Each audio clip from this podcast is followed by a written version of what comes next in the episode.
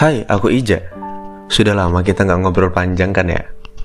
Podcast kali ini, aku nggak akan ngebahas tentang suatu situasi. Tapi aku pengen cerita dari sebuah titik temu dalam pikiranku yang akhirnya bisa buat aku move on dari mantanku. Jadi ini cerita tentang diriku ya.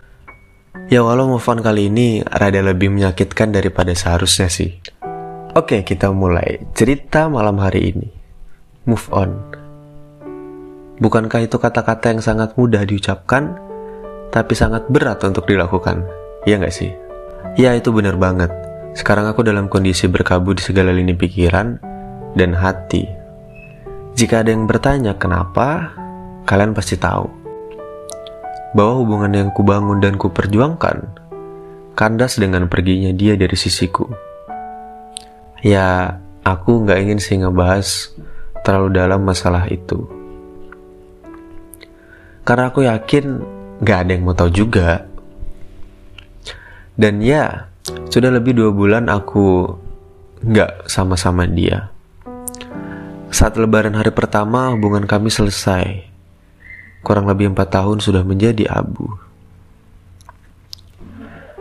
Yang pernah merasakan hubungan lama pasti tahu ya bagaimana rasanya melupakan dia yang pergi. Ya, bener banget. Aku frustasi. Aku stres dan depresi. Karena di posisi yang bingung, kenapa telah ditinggalkan.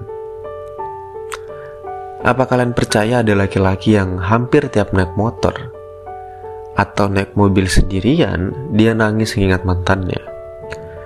Atau dia yang sebelumnya nggak bisa begadang, sekarang jadinya jam 2, jam 3 menjadi waktu favorit dia untuk overthinking dan menangis.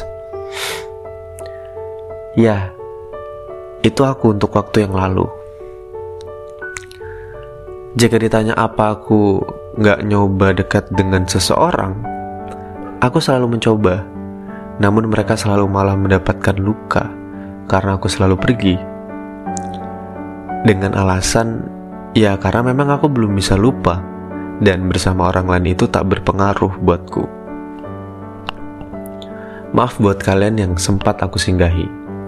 Hingga akhirnya tabungan yang sengaja aku sisihkan untuk rencanaku menikah dengannya, kupakai untuk mengembangkan diri dan menyibukkan pikiran. Untung saja aku masih tahan untuk nggak kuhamburkan dengan percuma sih. Akhirnya ya, kuputuskan untuk membeli sebuah kamera profesional dan sebuah laptop editing. Singkat cerita, akhirnya aku menekuni dunia foto dan video.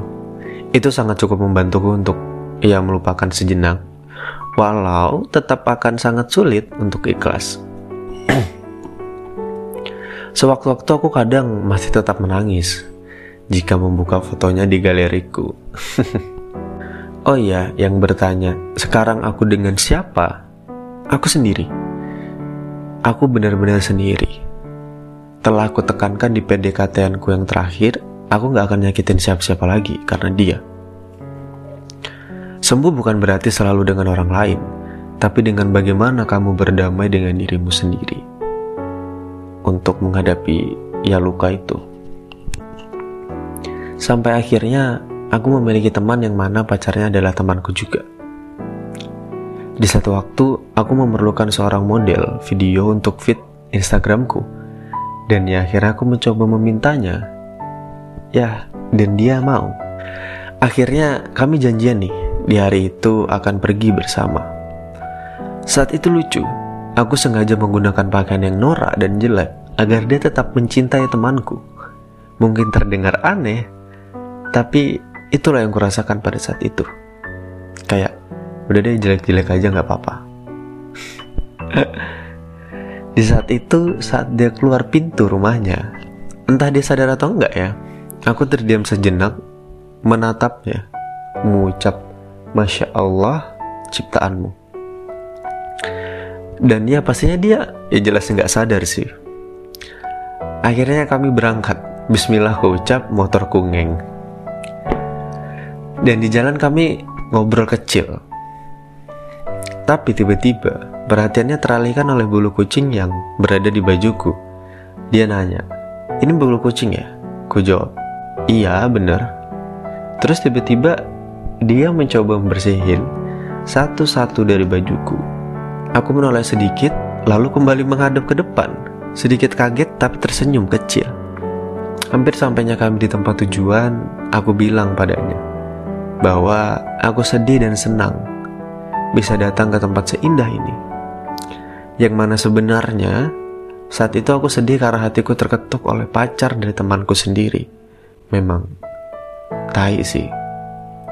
Sesampainya di sana, kami pun berkeliling. Dia sangat semangat dan lucu, seakan energinya untuk bergerak nggak pernah habis. Terus mengajakku jalan ke sana dan kemari, hingga akhirnya dia lelah dan kuajak duduk sejenak sembari menunggu mood untuk syuting kembali. Saat duduk, aku melihat celana bagian bawahnya tertempel rumput cukup banyak. Rasanya saat itu mau langsung kubersihkan seperti saat dia mengambil bulu kucing dari bajuku. Tapi aku pikir aku siapa melakukan itu. Akhirnya aku tunggu dia melakukannya, lalu aku membantu, melanjutkan agar seakan aku hanya sekedar membantu tanpa dia tahu aku sebenarnya memperhatikan. Sembari kami berdua berbincang, matahari dari surut barat menghantam dengan cahaya yang masih cukup panas saat itu. Aku pun ya jelas mencoba berdiri di sampingnya, melindungi dia dengan tinggi badanku. Ya hal-hal kecil yang tak kusadari kulakukan untuknya saat itu. Hingga tiba kami kembali pada tujuan utama membuat video singkat. Singkat waktu, syuting pun selesai. Dan ku ajak dia duduk di bukit atas sembari menikmati matahari terbenam. Hingga ku ajak dia berbicara soal dia dan pacarnya. Karena aku tahu saat itu dia sedang ada sedikit masalah dengan kekasihnya itu. Karena aku terkenal dengan memberi solusi pada setiap masalah cinta orang lain, yang mana padahal masalah cintaku sendiri menyakitkan. Ya akhirnya air matanya tertumpah saat itu. Dan aku bertugas menguatkan dia dari tangisnya. Dari tangisnya itu aku bertanya, apakah masih benar-benar sayang sama dia? Balasnya singkat, sayang banget. Pikiranku akhirnya sadar bahwa ya teman akan tetap menjadi teman. Dan aku pun salah jika menyukai kekasih dari temanku.